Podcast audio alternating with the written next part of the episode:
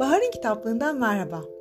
Bu bölüme milattan sonra 2150 bir makro felsefe klasiği tadında bir kitabımız konuk oluyor. Bu kitap bana çok özel birinden hediye. Kendisinin adı Eylül Bebek. Soyadı var tabi ancak biz onu Eylül Bebek olarak tanıyoruz. Bir de aramızda Sincap diyoruz. Ailesi de öyle diyor. Eylül'e ilk SMA tanısı konulduğunda marka şef Onur Tuğman ve eğitmenler aileye destek amaçlı özel bir eğitim yayını düzenlemiş. Bununla ilgili paylaşımlarla biz de bağış toplayarak Eylül'e destek olmaya çalışmıştık. Eylül bebeğe ilk bağışta bulunduğum zaman binde bir insanın başına gelebilir dediğim mucize bir an yaşamıştım.''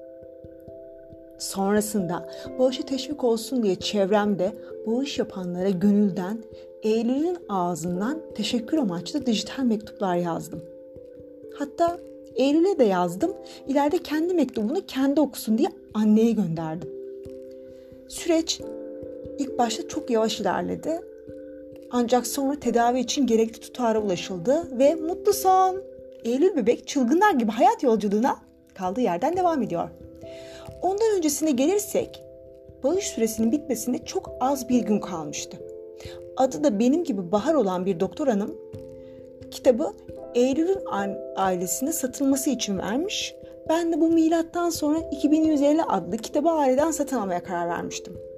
İşte o kitap bana bugün 12 Şubat 2021'de teslim edildi. Tam bir sene olmuş kitaplığımda yer almasını ve bu özel yolculuğu sizlerle paylaşmak istedim. Makro felsefe 2150 yılının dünyasını ve değişimini bize götürüyor. Bilinç seviyesinde yüksek bir anlayış hakim. İşte bu kitaptan minik bir bölüm okumak istiyorum size. New York'ta Ocak ayı berbat bir şekilde soğuk geçer. Bu yılda diğer yıllardan farklı değildi o garip rüyayı gördüğümden bu yana 11 karlı ve çamurlu gün geçmişti. Arada birkaç rüya görmüştüm ama hiçbiri 2150 deneyimimin düzeyine yaklaşamamıştı. Rüyayı aklımdan çıkarmaktan zorlanıyordum. Her zamanki günlük işlerimi yapsam da kendimi onlara veremiyordum. Çünkü bir yanım bu olağan dışı deneyimden kopamıyor ve ona dönmeyi çok istiyordu. İşte öyle bir andı. Rüyalar ve rüya görme konusunda küçük bir araştırma yapmaya karar verdim. Keskin soğuğa karşı iyice sarınarak bir kitapçıya gittim ve hemen rüya kitaplarının bulunduğu bölüme yöneldim. Raflara bakarken gözlerim bir sözcüğe takıldı. Makro. Gözlerim yerinden fırlayacak gibiydi. İşte oradaydı. Daha önce gördüğüm kahverengi kitapçık adında hatırlayamadığım sözcük makroydu. İnanılmaz diye düşündüm. Rüyalarınızı makro görüşle yorumlayın. Hemen kitabı satın aldım ve akşam onu inceleyerek ve hatırladığım rüyalara uygulayarak geçirdim.